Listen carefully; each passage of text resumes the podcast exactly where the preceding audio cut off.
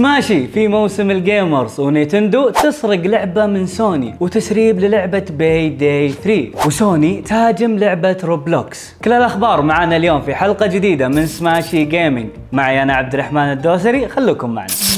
لعبة The Last of Us حصرية سوني وحبيبة الكل.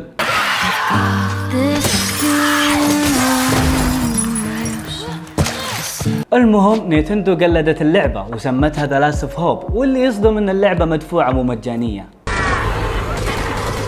He finds himself alone in an apocalyptic city where each step forward is a new obstacle. لاحظ إن اللعبة نسخة من اللعبة الأصلية واللاعبين كلهم مستغربين إن كيف شركة سوني ساكتة عن الموضوع ولا تكلمت عنه. وأتوقع عشان جودة اللعبة ضعيفة فما تكلموا عنها بس لو صار العكس والله ما يسكتون Nintendo موسم ال Gamers أرض الأبطال. راح يبدأ اليوم وراح نكون إن شاء الله هناك. وراح نغطي لكم جميع الفعاليات من بطولات ومناطق خاصة بالألعاب ومطورين الألعاب. انتظرونا إن شاء الله وتقدرون تتابعون حساباتنا في مواقع التواصل الاجتماعي عشان تعرفون آخر الأخبار أول بأول.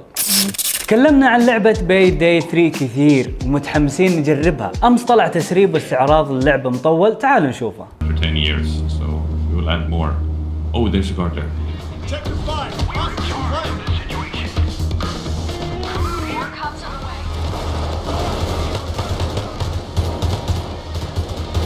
ولكن هذا العرض شكله كان مخصص للإعلاميين أو المستثمرين اللي خلف الكواليس. ونعرف Starbreeze مرت بمشاكل مالية كثير ولكن تعافت منها وراح تصدر اللعبة أخيرا في تاريخ 21 من سبتمبر الجاي.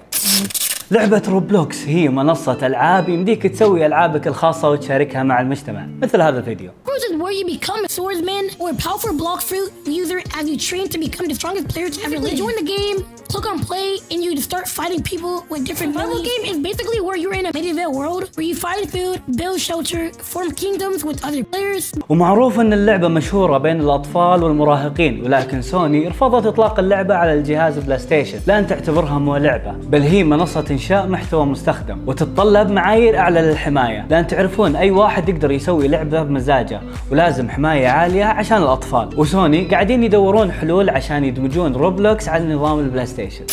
وهذه كانت آخر أخبارنا من سماشي جيمنج معي أنا عبد الرحمن الدوسري. لا تنسون تشتركون في حساباتنا في سماشي جيمنج ونشوفكم كل خميس إن شاء الله.